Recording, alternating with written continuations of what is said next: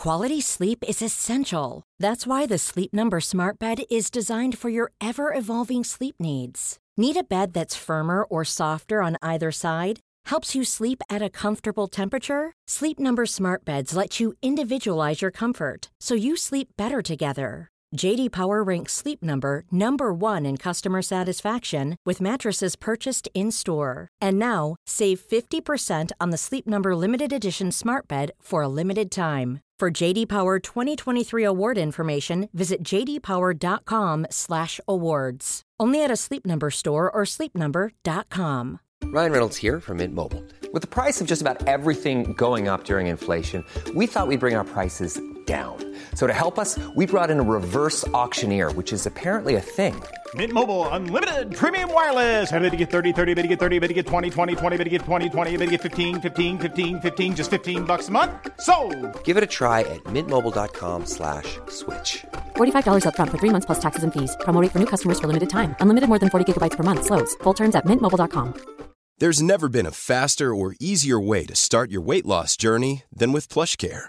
PlushCare accepts most insurance plans and gives you online access to board-certified physicians who can prescribe FDA-approved weight loss medications like Wegovy and Zepbound for those who qualify. Take charge of your health and speak with a board-certified physician about a weight loss plan that's right for you. Get started today at plushcare.com slash weight loss. That's plushcare.com slash weight loss. plushcare.com slash weight loss. Alrighty, guys, we're going live. Three, two, closing door in the office, and one. That, ladies and gentlemen, was Peter Sage. My name is Marius Auge, and this is the Kaptara podcast coming out of Oslo, Norway.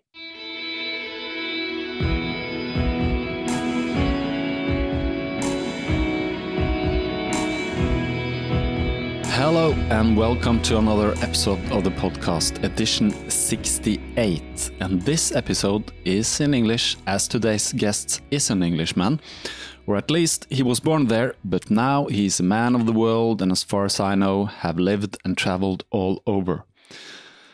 The form of this podcast is uh, always a conversation with a guest, more maybe than an interview, and usually these conversations are centered around life as a runner or life with running. But as my usual listeners know, we always go long distance and the topics vary from the physical to the mental and sometimes into spiritual and metaphysical matters. The introduction to the guest is usually short and uh, free in form, and I just do that based on my notes. But today is a little different, as I've written everything down, and that is because I feel the need to give a little context. Some of you may know Peter as the teacher, trainer, and mentor is, but most of you probably won't even have heard of him. So a little introduction is in its place. With Peter, I could have talked a lot about running. He has run marathons, he's even run marathons for charity in large, heavy costumes, and eventually he finished the Marathon des Sables, a 250 kilometer stage race through the desert in Morocco, also known as the Sahara. He has climbed tall mountains and is an experienced skydiver, and we could have talked training as he works out every day and has a great physique. He has a gym in his house, and as we mentioned very briefly, he's going to row across the Atlantic Ocean next year. That is wild. I will link to these things mentioned in the podcast notes. We could also have talked nutrition and health and other topics concerning specific habits that will make us more productive. But where Peter shines and has his expertise is mentoring and coaching people on their way to self mastery and their full potential as individuals within the collective of other humans that we all spend a big part of our lives. Peter is probably the most authentic person I ever came across, and he has the positive mindset and integrity of someone who walks his talk every day. So, what led me to Peter's mansion in Tenerife to celebrate his 50th birthday with about 200 other guests? A man that is a serial entrepreneur and renowned speaker, six times TEDx, and has been booked to share the stage with high profile people such as Sir Richard Branson, Kofi Annan, and former US President Bill Clinton. Okay, I will try to make a long story short, but for me, it started last year after an especially dark period. I had been working for years, part time freelancing, part time for a small company in a very demanding role that was extremely stressful for me. And I felt that I was going in a direction where I wasn't the captain of my ship, and that I was at the mercy of others. I had trouble sleeping and I was in a state of fear where I had no tools to help me and I didn't know where to find them either. I had a strong sensation that I had inner work to do, but didn't know what that consisted of. I had read a lot of books, but hadn't really asked myself the unpleasant questions. There was at times feelings of despair, and after the pandemic, it had just been amplified. So then, one day, I was let go from the company I worked in because of their financial situation, and to be honest, I was very relieved. At just about the same time, I saw Peter in a TEDx talk, and he spoke of procrastination and your nervous system and I was sold on a webinar that I joined short after. Procrastination, I knew a lot about. There has been so many projects that I want to do over the years but didn't start, or other projects that I started but didn't finish. So I knew this was something I needed to address in my life.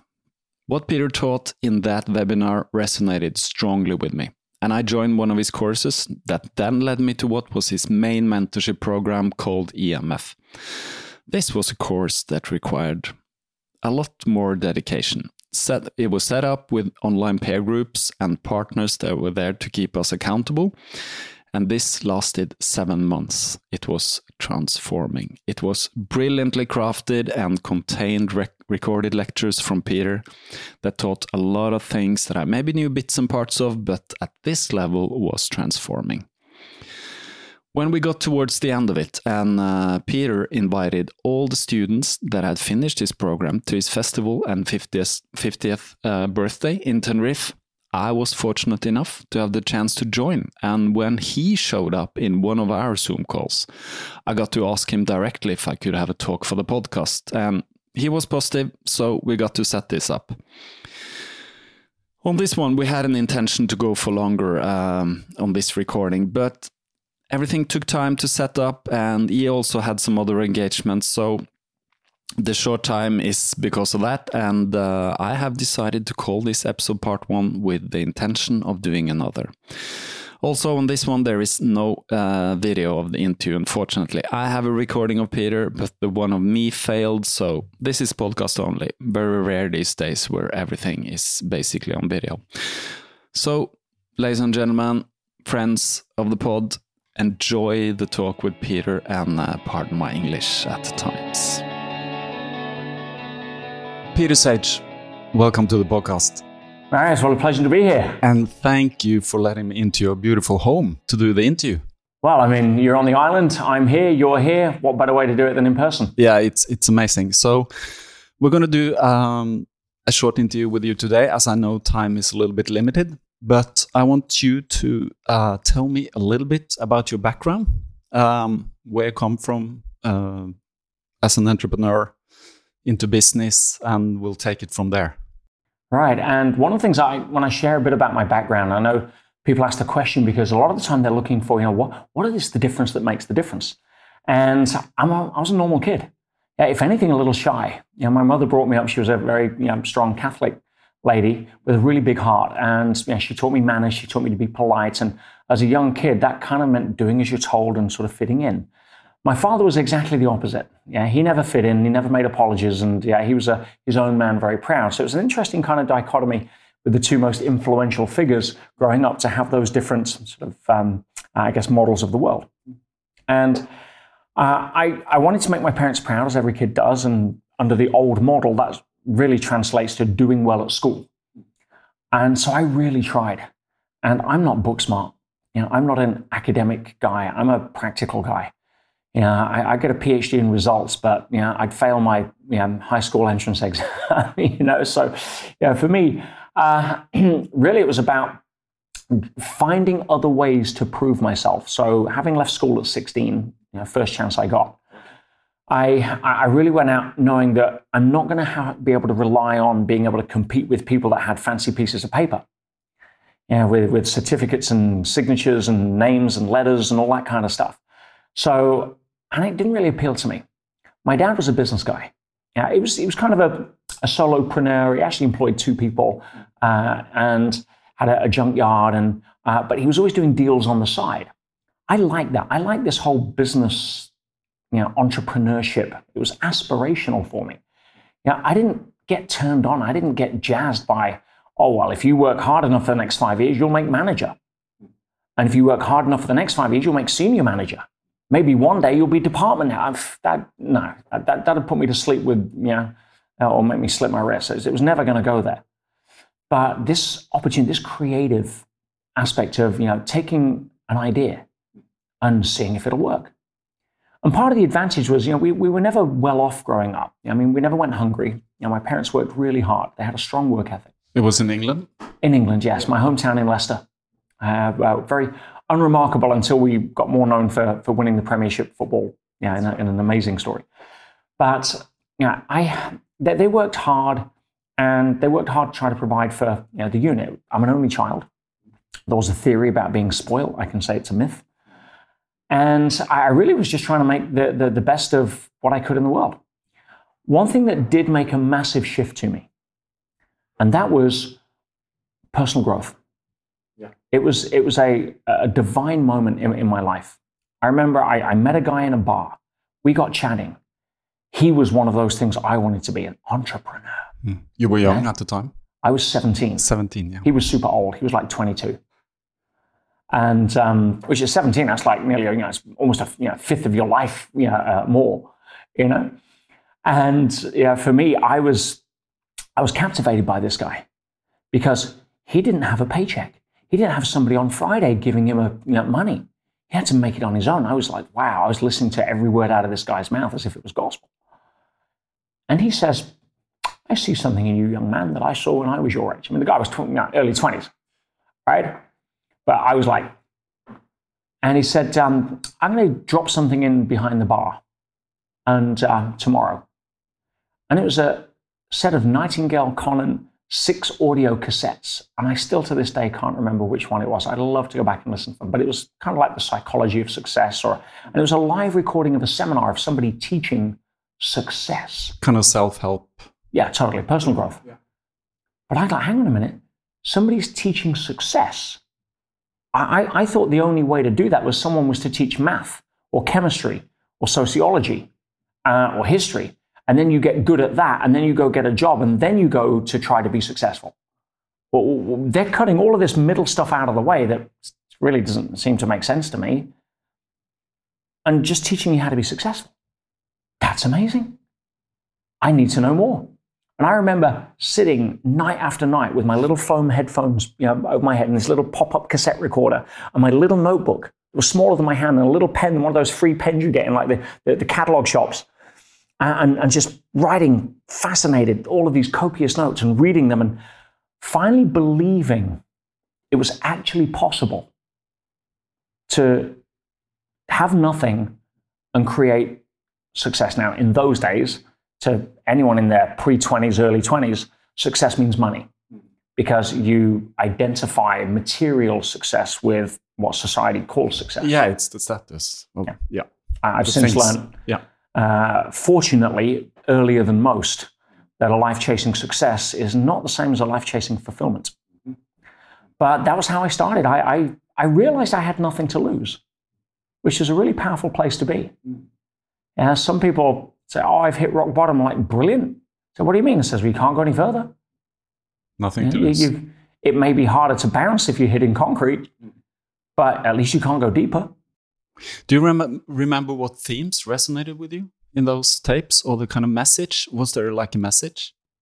One was something which I teach to this day, which I never really heard anywhere else the law of conformity. The law of conformity. Tell me about that. Stood out. I remember listening to it on that tape, and it was talking about how 5% of people in the world own the world.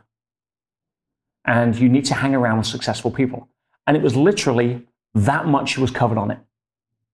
And that law of conformity. You conform. Actually, I think I had to look up the word uh, in dictionaries. This is pre internet. Yeah.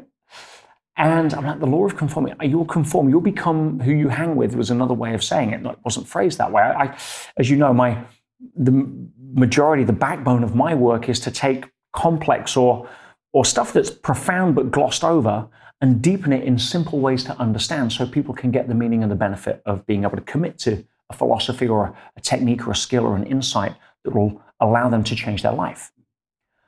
But for me, I remember the law of conformity, the 5% law. And I remember a very good friend of mine, uh, his name was Steph, still a good friend to this day. And he had a, a different start in life. His mother was very successful. She owned a nightclub. And at 17, of course, where do you go? Uh, if or 16, you can't get into other nightclubs. But you know, if your mum owns one, the bouncers aren't going to ask for your ID. So we were always you know, playing yeah, big man on campus or little man on a big campus, as it were.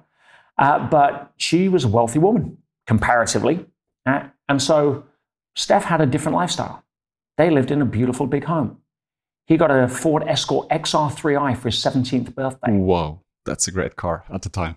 at the time, it was the car. Yeah, yeah. yeah for kids, it was like so aspirational. For his 17th birthday, with a, with a private number plate. He was wearing Jaeger and Armani, right? Stuff that I would only see in catalogs. And there was no real hunger. And I remember having the conversation. I, says, I was explaining this stuff to him.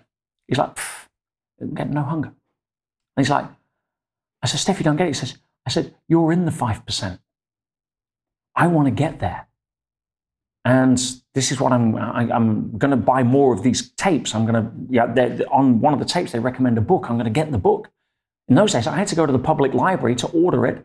And three weeks later, they might have it and send me a, a letter in the post to tell me that the book was there. And I'd be able to go and take it out for like a pound for 28 days. But I was on a mission. It was a mission to absorb the knowledge that I thought that I wanted to get or needed to get in order to move to the next level in my life. Now, at that point, there's, there was skills to learn, but it was more psychology. I started to realize that people who had all the advantages, people like Steph, who I love dearly and has since gone on to become successful and, and been an entrepreneur up and down, which I totally respect and adore. But you know, people that have none of these so-called advantages. Education yeah money you know country club memberships to hang around with, went and created magic. And i i remember listening to i think it might have been denzel washington go through a generational progression that was so profound. Says grandfather had nothing and I was talking to my students yesterday. When you get used to having nothing, you normalize it as a baseline. That is fatal to success and fulfillment. Because, oh, I've never had anything. I don't really yeah, have any aspiration to have anything because now baseline is normal. Like most people do that with stress. They do it in relationships that are unfulfilling. I'm miserable, but that's just the way it is. Because I was miserable yesterday, Today, my goal is to be less miserable than yesterday. Mm. Great goal. Mm. Or it's like if you put a toad in water and turn up the heat slowly, slowly, it's not going to jump out until exactly. it boils. Yeah. Yeah, your, your baseline gets moved. Most people do it with sleep. Most people's cortisol baseline is elevated to what it normally would be. That's why they take their vacation and feel finally relaxed, mm. apart from the last two days when they're dreading going back.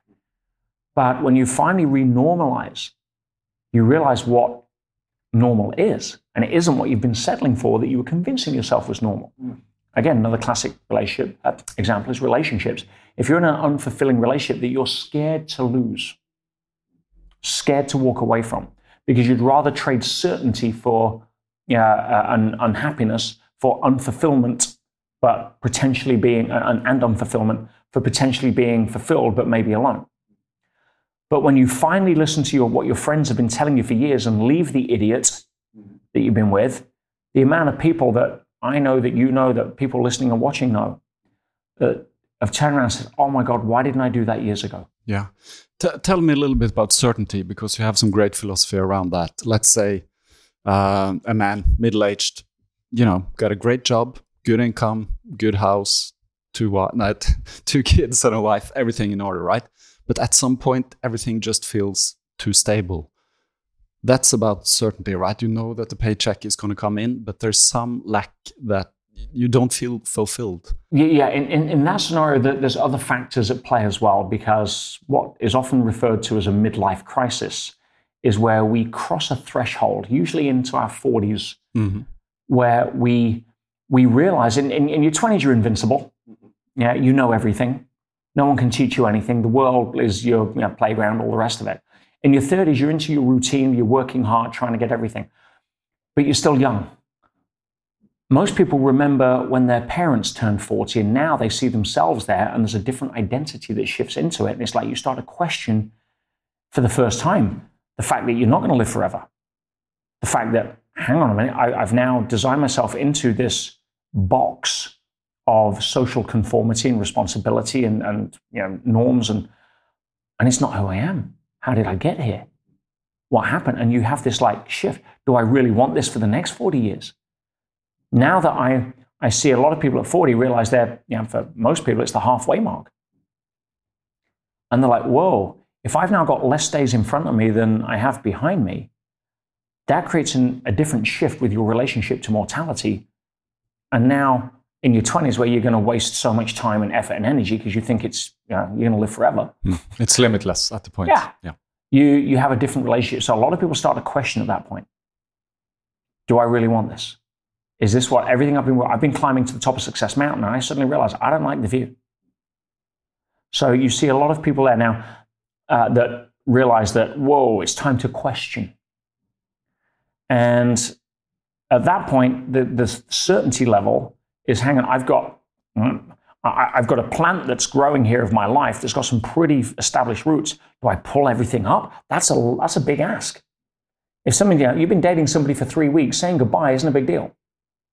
You just celebrated your 10th wedding anniversary and your second kid's third birthday your roots are deeper. That's a, that's a big plant to uproot. So, therefore, the addiction to certainty or the relationship to certainty versus uncertainty at that point traps a lot of people for settling for you know, making decisions they sometimes live to regret and or sometimes wish they had a higher ability to handle the uncertainty. I see people say, "Oh, I'll stay together for the sake of the kids." I mean, how often do we hear that? What are you really saying? All the time, I guess. Yeah. yeah. What's, what's the truth in that? The truth is that I'm going to give my children an example to follow, because that's what we do as parents, uh, that says, if you're in an unhappy relationship, I want you to stay unhappy for another 10 years so that you can give your kids an example of what not to do. No, you want to empower your children by giving them an example of following their truth or not settling for less. If you were coaching your kids and they were in an unhappy marriage, what would you be saying? Get out. I waited too long. No, that's, that doesn't work anymore. What about the unhappy job? Let's say you're uh, in a relationship and you, you love your wife, you love your kids, but you have that, I want to create something for myself. As an entrepreneur, you have that experience, right? Yeah. Because you never worked under anyone, to, to put it that way. You always been your own businesses and uh, yeah. The, the challenge there again is that there's a different dynamic mm-hmm. because if you work for yourself or you work for somebody else and you're single and you're like, listen, if I've got to sleep on my friend's couch for three months, if I've got to eat dog food for three, I'll handle it because my dream is more important than my need for comfort. That's a common, you know, launch pad for a lot of people that are entrepreneurs. Like dating for someone for three weeks, you've not got a lot to lose. But if all of a sudden you say mm, the responsibility of my actions could impact my ability to feed my kids, that's a whole different gravitas of decision making. Here's what I found working in this industry and you know with thousands of people. If your conviction in what you want to do is strong enough and your family relationship is where it is, your partner will be the first person to say, listen, I'm behind you. And if we lose it, we lose it and we'll figure it out. We'll find a way. We've got friends. The kids aren't going to starve. You live in a society where it's, in, know, your kids can't starve, right? Mm-hmm. In fact, if they get close, you, will have neighbors showing up with food. Yeah. Or family, or yeah. It, it, there's a way. Yeah. If your level of uncertainty about the jump is high, your family's level of uncertainty about your jump will be high. Because that's what you resonate. 100%. So you may have a wish to get out of this crappy job. And you may have had a dream on your vision board to one day be your own boss. But wishes and dreams don't come true. Convictions and intentions that have firm resolve with your heart and mind fully aligned have a far higher probability of coming true. It's also about fair, right? About Fair. in what respect? In what in the respect that if I quit my job, try, you know, I'm gonna be I might fail. What will my friends say? You know, what will my family say? You know Oh, sorry, fair. I- Yeah, fair. I think you said making it fair. Sorry. Oh, yeah, was like- fair. Yeah, like- fair. It's, yeah, it's not, not, not fair Being yourself scared. to be not in line with your truth. But Yeah, yeah, yeah, when it comes to fair, of course. Yeah, yeah. The- and again, the mind loves to label. Fear is a four letter word that incorporates a whole lot of different things, just like love is a four letter word that incorporates a whole lot of different things. Can fit on your fingers there. Hmm. And, and that is your dichotomy. Do you want to make a decision based on love or fear? Now, the gradients of those words are almost infinite. Yeah, I love sit, sitting here having a conversation with you. That's a different kind of love to, you know, love my dogs, my partner. Um, I, I love the weather. Yeah, we, we use words to conceptualize. But when it comes to the fear of uncertainty, to bring it back full circle, most people have been conditioned to a life where they actually believe that certainty is real. And there's two things you can be led by. You can be led by your reptilian mammalian brain, whose job is to consistently alert you to fear, because evolutionarily, what's kept us here to be able to reproduce into modern society is our ability to listen to the messages that say, Oi, you shouldn't approach that snake.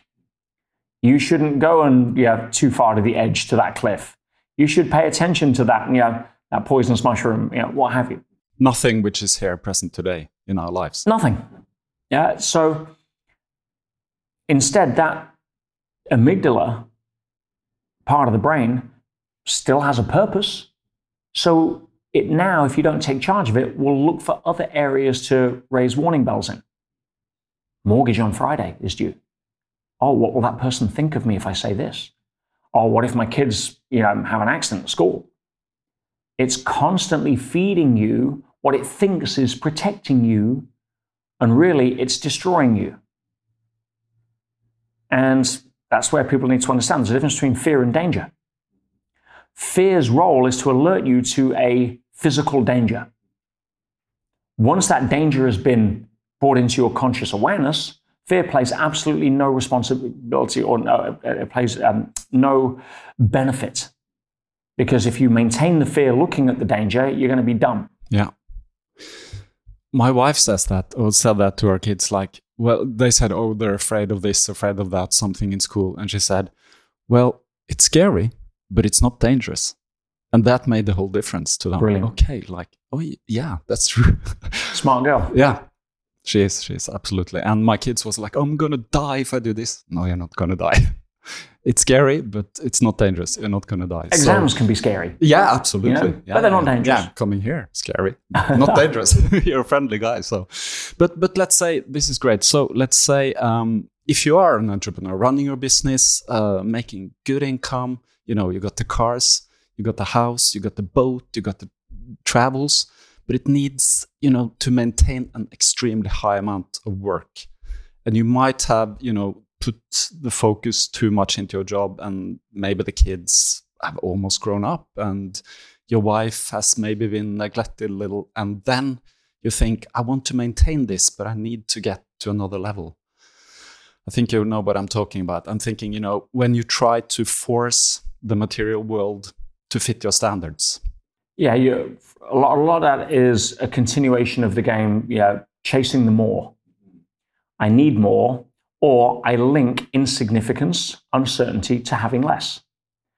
See, the real people that have mastered the game between chasing success, stressful, versus chasing fulfillment, Hmm. understand the reality that we're not taking anything with us. The, the Hmm. real game in town is feel great now, yeah not feel great when. yeah because maybe this is an example from from someone i know that is like yeah I'll, I'll only work you know this long and then I'll have enough to you know sell the company, and then you know uh, I can live great ever after. But then that doesn't happen, and you have to make a shift, and Never you know. And, and when they do, if they're in the 1% of 1% of people, entrepreneurs that actually do sell their company and retire with what they thought was financial freedom, what do they do with that financial freedom? I'll tell you what they do. They've not got enough money to pay for their divorce because they've been neglecting, as you said, their, their, their spouse. They've got enough money to hire the best you know, physicians and personal trainers to try to get their health back they've been neglecting. And yeah, hopefully they've got enough to, yeah, uh, in their mind, m- make up for all the time they lost watching their kids grow up by buying their kids loads of crap that they don't need so that they think they're a good father or what have you. And again, could work gen- gender both ways. I'm using the masculine here as, a, as an example. But yeah, for, it's, it's the cosmic entrepreneurial joke. So understanding that, um, I mean, as you know, I- four years ago, I, well, three years ago, three years ago last month, I landed on this island with hundreds of thousands of, of dollars in debt, one month rent in the bank, and a huge smile on my face. How how could you do that? How could you live with that amount of uncertainty, having nothing, coming to an island, and now I know what you got? How, how is that possible? Your wife said there's a difference between danger and fear. Yeah, it's it may be scary, but it's not dangerous. Okay, well, uncertainty or excitement. You see, there's no excitement in uncertainty. That's true. right? yeah, yeah. You're, you're excited at opening presents that you don't know what's under the wrapper. Mhm. There's less excitement opening a present that you know what's under the wrapper. Right? The certainty and uncertainty factor is shifting your relationship to it. And again, yeah, I, I couldn't go any further in debt. I didn't think. And it's exciting. Let- Let's let's go build something else. Let's go try something else. If I fail again, I fail again. And yeah, now thankfully debt free and, and living a, a, a better life than I was three years ago. But if all that went tomorrow, be a damn good excuse to play the game again. You know, if, if, if I'm playing football and you're a goal down, you don't get upset because then you go two goals down. Mhm. If you get inspired and you use that goal deficit to galvanize your talent to go forward, and now we've got a game on. That's excitement. Being now down two playing. goals. Now I've got a worthy opponent. Now I was caught napping and got punished for it, or whatever you say to yourself. It's like, okay, game on. That's a different relationship to challenge than most people have that are seeking a comfort centric experience, then wonder why their life sucks. So tell me a little bit about um, for, for my audience what you're doing now because I know you have a background um, as a personal trainer for Tony Robbins. You've been into self development uh, most of your life, it seems. But it seems that now you're shifting from more, you know, I guess uh, import export trade or this material buying selling more into helping people fulfill themselves that's why I'm here. I, I, I, you know, I found you, been through your elite mentorship forum, and nothing's the same for me. So tell me a little bit about what you're doing now. Well, I'll clarify one thing there. I was never a personal trainer for Tony. That, that sounds like I was teaching him push ups. Okay, okay. Um, no, no, no. uh, yeah. As a, as a trainer, mistake. I was a trainer for the Robbins Research Organization, one of Tony's you know, uh, elite level trainers. Mhm. And yeah, that essentially meant that we were doing what you see Tony do on things like, you know, I'm not your guru. We Mm. would do on the ground with participants. Yeah, strategic intervention, leadership, yeah, human needs psychology, yeah, that kind of thing. And that gave me a really good understanding, a lot more of, of my passion of understanding people. But my background is traditional business, whether that's real estate, health clubs, nutraceuticals. I mean, and any kind of deal that I could look at, any crazy idea I woke up with at three in the morning and got excited about, I'd build a business on. And some of that, you know, was always destined to fail spectacularly. And so, yeah, the ups and downs of entrepreneurial life, the, the, the vicissitudes of, of experience on that level have been, you know, somewhat, you know, quite wide and varied. And uh, I'd always had that personal growth, as I said, from the age of 17 that has ran parallel. Now, in the early days of personal growth, I was using what I learned to become quote unquote successful financially, massively unfulfilled, but you know, successful as I thought everyone else expected me to be or thought I was. And uh, as an entrepreneur, I, you learn fast. I've never been bankrupt. Yeah, touch wood. Uh, come very close, of times. But you know, I've I learned quite quickly in my late twenties that money's about adding value, not about chasing wealth. And so businesses is about is a vehicle to generate wealth through adding value to what we call clients or customers. So I'd always focused on how can I, I contribute. And I ran lots of businesses, but in the background, been a passionate uh, consumer of personal growth. I also like to teach and share what I was learning with my staff because my companies grew as a result. And my friends were sick and tired of hearing me, you know, quote Tony or George Zalucki or Zig Ziglar or Brian Tracy or any of the classics or Jim Rohn or you know, Les Brown or um, several of which I've now had the pleasure of sharing the stage with. But if if it you know, comes to identity, I've always been a businessman first and a, you know, an entrepreneur first and a teacher, speaker second. So it was a hobby. That shifted about five years ago when I realized that my passion now is not building businesses. I can teach people how to make money and build business in their sleep. I could do it drunk. It's not going to change the world. What changes people is what I teach now, as you've yeah, experienced. And so for me, combining my passion for business with my passion for teaching, it was natural that I would then move into a business that built that and use my business experience, for better or worse, to, to build a coaching, speaking, training business rather than have it as a hobby on the side of the extra thing I did. I don't get wrong, it was, it was good. Man, I, I was charging $10,000 a keynote back in 2004. Uh, so you know, it was always lucrative. I did part-time coaching in 2015, made a quarter of a million dollars. It's you know, and I don't say that try to impress people, but impress upon you the fact that you know you can make this into a real business if you know, you're passionate about helping people. And by the way, I have zero qualifications in not only school but in coaching. You know, I have zero you know, courses that I've attended in public speaking. You don't need that. What you need is the conviction and the certainty that you're going to go out and add value to people. And that's what I had because people buy people before they buy your concepts, ideas, or certificates. So for me, I was just passionate. People pick up on that. You know, speed of the leader, speed of the pack. I have attracted an incredible, amazing army of passionate, high conscious people into my team, my business right now. Yeah, we're running, I, have no idea, north of 80 plus maybe 90 staff, um, half of which I haven't met. And I'm so honored and grateful. People see me as the lead singer of the band. I get that. Yeah, I'm the face on the camera. I'm the person in the podcasts. Yeah, the, the work that I'm fortunate enough to art, re-articulate from some of the great masters in a way that people can resonate with, in the way that I share it.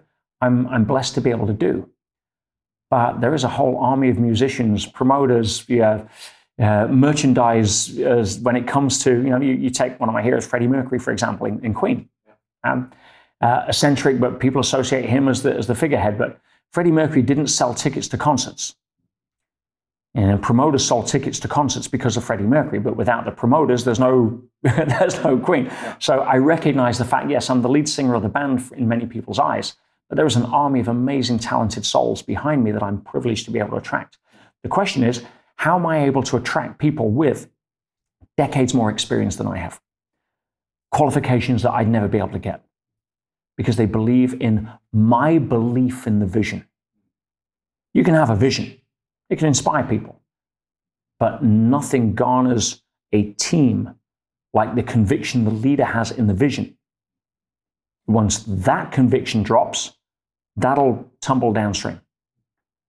So, you know, for me right now, the business that I have, three years later, from landing here with a month's rent in the bank and hundreds of grand in debt, is down to the fact that you know, I have a vision. It's funny, I was sharing with one of my, my best friends, the gentleman I'm actually going to be rowing the, the Atlantic with. In, uh, yeah, afterwards you have to tell me about uh, well, we, if we have time, yeah, the, yeah, the yeah. Talisker Whisky Transatlantic Challenge. Yeah, you can go look it up yeah. Uh, and then decide never to do it. But, uh, uh, but you know, he was speaking to me a few months back, and he's like, Pete, I mean, where you, and he's seen me do this several times over the years you know, from my early time. I mean, we're childhood friends. And said, "Wow, look at where you're at. You know, look at what you've done in just three years, and where you." I, you know, he says, "Your journey has been incredible." He said, "Who'd have thought that three years ago, landing on the island in a dodgy old battered van we, that nobody would insure for breakdown, that you know I had to borrow, that you know, no one thought would make the trip." To you know, having that uncertainty of one month rent and seeing what would happen after that, and look at where you are now. You're in a beautiful place. You've got a beautiful life, blah, blah, blah. I said, who would have thought? I'm like, dude, what do you mean? I thought. And that's the only thing that counts. And again, this is not about me. This is about how you reflect that back into your life. And the fact that I thought that and I knew that is why I was able to attract the people that believed in me because of my belief in the vision. Most people don't even have a vision, let alone a conviction within their ability to manifest it. But if you do and you get excited because that's your truth, not working for somebody for 30 years you don't like to get a paycheck you can't live on and a watch you know you don't care about. But to follow that dream, that conviction, say, you know, something's great. If I lose everything tomorrow, it'd be a damn good excuse to go again. I may make it, I may not, but damn, I'm going to die trying. Not like, oh, we're two goals down at half time, let's throw in the towel. That ain't a life you want to live. It's like, you know, something, yeah, of course it's tough. It's meant to be. Life is a growth centric experience. When you embrace that, it changes to an uh, exciting adventure, not a horror show or a soap opera. So having, having that level of conviction allowed me to build talent because business is not a solo sport. The people in my business that do the magic, okay, I'm, I'm, I'm the dancing monkey on camera. I get that. But the people in the business that bring the magic, I'm in awe of. They're, they're the real heroes behind me, allowing, uh, allowing me to share my gift with the world. But but um, one thing, if we can end with this, is um, you have, and it, it's such a broad topic, but it seems to me that the change comes when you understand that uh, there is some force that uh, you know um, can make thing, things manifest that you would never thought of. Let's say things come out of left field. Somebody suddenly comes on, wants you on a business experience, or you know some job shows up that you had no idea coming, and it's kind of like. Uh, how can we uh, explain to people that we actually manifest things the way we think? Because I think this is a hard concept for people to grasp, at least some. And they say, no, that's just you know, it's it's woo woo. There, there's nothing outside here of what I can see, and things will not just happen because I think of it. You? You're opening up a whole part two here. I, I am. I am. Maybe we should save that. Uh, I'll, I'll, give a. Mm-hmm. I'll wrap it up in a, a level of awareness to intrigue people to want to listen in next time. How's that? If you are blinded to the ignorance that the only thing that is physical exists, then there's not a lot we can do to help. You are limited to trying to bend physical matter reality to your will. And most people have been trying that most of their life, and good luck. And the question is, how's it working for you? The real magic happens when you realize that there is a non physical reality that is just as real, if not more real, that science likes to ignore because they can't figure out the word consciousness. Uh, science, material science, just think about it. What, what, what is the premise? Oh, the entire universe magicked itself out of nothing into physical matter reality, but you're not allowed to have any more miracles after that. I mean, give me a break. It's, it's, it's ludicrous. It's almost schizophrenic. We've known for centuries the people that own the world, those 5% that I spoke about, have been the result of the secret societies that have taught exactly what we're speaking about now, with two agendas. One, to be able to govern. And by the way, the secret societies make no secret the fact they exist. What is secret is what is taught inside. But they have produced consistently the leaders of the world, the richest people in the world, and each has a different theme. For example, the original Illuminati, which has been hijacked as a word to go into nefarious New World Order type stuff, let's not go there. But the original Illuminati were the illuminated ones, the guardians of this level of knowledge. And uh, they were more about raising consciousness. You take Skull and Bones at Yale University. Theirs is about wealth and power which is why most of the US presidents have come, the richest people in the world have come out of uh, uh, uh, the Brotherhood, for example. Andrew Carnegie, Jackie, um, Ari Onassis, Henry Ford, um, because they're taught how to manifest. But that also has a counterbalance of making sure that the rest of society, which up to 150 years ago was illiterate, apart from the 2% that weren't, stayed where they were. So, with that level of indoctrination, if you just want to think, oh, it's all woo woo because you don't understand the rule set that governs metaphysics, because you're too busy trying to retain your significance by pointing fingers at the rule set of the physical matter world, which we understand very well, and out of originally mm, arguably many different names, but Copernicus into Galileo into Newton was the, the, the primary path. And now everybody's heard of quantum physics, quantum well, mechanics. That, has been essentially ignored as an anomaly for uh, over 100 years since the Copenhagen meeting. And so, oh no, that, that doesn't fit our pictures. See, traditional science should be about I will continually evolve my hypothesis so that it fits the consistent data. But that hasn't what's happened for a thousand years, because well, 100 years, sorry, because people are too attached to the significance of wanting to be right. So instead, now science is we will ignore all of the data that doesn't fit our hypothesis. Oh, what about the magic universe? Ah, no, no, no, no, no. But, it, but, but it's stuck at some point now. You cannot suppress the direction of travel for consciousness, which is always inclined to rise. There's been a big attempt to suppress that through fear over the last couple of years by some of the remnants of the people that yeah, have come out of those societies, secret societies. But power beats force over time every time. And I quoted that right at the start of the you know, COVID. So, you know, as we see now where things are at, and again, I'm not being projecting my model of the world onto anybody else. You, know, you star in your own movies, ladies and gentlemen. But just be mindful that you're not being fed a script that isn't in alignment with your truth or your power to pick up the pen and write your own. Do you see a shift now in uh, the way the world works? It seems to, you know, spin ever more fast as we can gain more you know information through all the medias and for the vast majority of history right up until recent times and when i say recent i'm talking about last 20 30 years the only way you could access the kind of knowledge that we can now ask siri for is through either the last 100 years public libraries as I said if you had access. Prior to that your village elder the village scholars your rabbi or minister that was it so your level of knowledge was limited to the source of knowledge. If your minister was at a certain level of consciousness, that's all they could project from. If they're at a certain level on the ladder, they can only explain the view from where they're at. So your level of interpretation of what view was possible was always limited by the people you're listening to and where they are on their own ladder. Today, that doesn't exist. You can go and learn the entire works of some of the spiritual masters at the push of a button. That's exciting times. It is. I think we'll end it there because I know you got 150 things to do. Um, we'll see each other again on Saturday uh, here, I guess, at the party. And um, I can just invite everyone to to check out. You've done probably 50 podcasts before this, and you have a whole online course. So just want to say thank you, Peter. Um, really grateful that I had the time to talk to you, and uh, looking forward to part two. Me too as well. It's been an absolute pleasure. Marius, you're a star. Thanks for coming over. And yes, let's uh, let's get ready for an amazing weekend. Let's do it. That was Peter Sage, ladies and gentlemen. I sincerely hope we get to sit down and do a part two someday.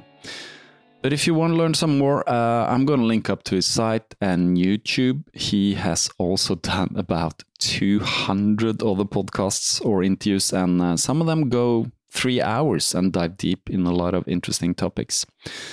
And uh, if you're interested in learning more about the Elite Mentorship Program, EMF, get in touch with him via site. But if you need some first hand information, get in touch with me via mail or Instagram. I can get into details on it, and uh, I promise this is one of the most transformative experiences you will have, regardless of your background or if you are already an entrepreneur or just pl- planning on becoming one. It does require some work, but uh, not more time than you already have on your hands. The day has 24 hours, and um, if you skip just scrolling endlessly through the Instagram or Facebook feed, or you know, reading news or gossip about celebrities, you'll have the time to complete this and uh, probably change the way you approach approach both work and relationships in your life. I certainly have. Personally, I have changed my whole context and uh, outlook on life, work, and relationships, and I do not experience stress or fear related to those outcomes anymore. I'm a lot more easygoing and I just feel more content and satisfied with myself and what I have. For instance, in my life as a freelancer, I now feel relaxed and I never really stress about outcomes. I just focus on adding value for my clients. And in my running life, I have this summer run a 50k trail race and also a 50 miles race without dreading all the training on beforehand and not losing sleep over how it's going to be. I just focus on performing in the moment I'm presently in, and I was able to finish them both without a lot of extra training. The mind is very powerful if we know how to use it, and uh, in these matters, Peter is a master. Thanks for listening, people. I love you and have an amazing day wherever you are.